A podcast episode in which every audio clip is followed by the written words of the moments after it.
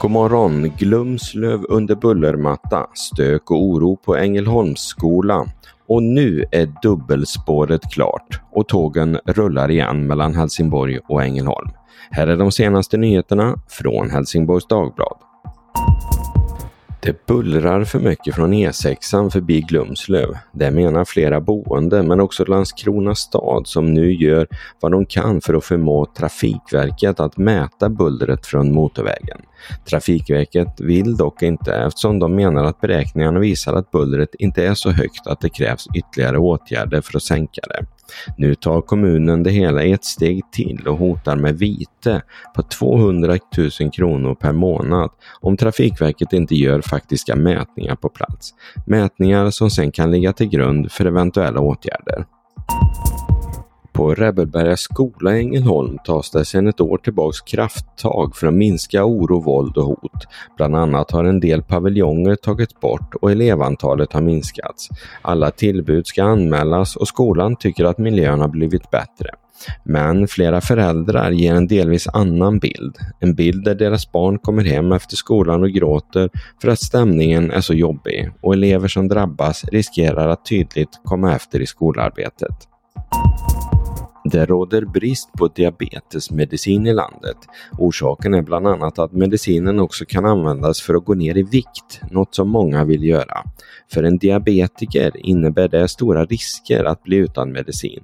En av de drabbade är Blerim Rama i Helsingborg som nu bara har två sprutor kvar i sitt lager. Om några fler finns inte att få tag i. Även om han klarar sig utan medicinen några veckor vet han inte hur hans kropp kommer att påverkas. Läs Läs mer om situationen på hd.se. Idag är det första vardagen efter det stora tågstoppet mellan Ängelholm och Helsingborg som varat under en stor del av hösten. Nu är utbyggnaden till dubbelspår från Ängelholm till Maria station i Helsingborg färdig. Något som många pendlare som kuskat fram med ersättningsbussar säkert hälsar med lättnad. Vill du berätta vad det betyder för dig, hur din första resa gick eller bara lätta ditt hjärta kring dubbelspåret går det bra att skicka in några rader eller för all del en bild som speglar dina åsikter eller upplevelser så kanske vi kan sammanfatta det på hd.se under dagen. Kontaktuppgifter finns finns på hd.se tipsa.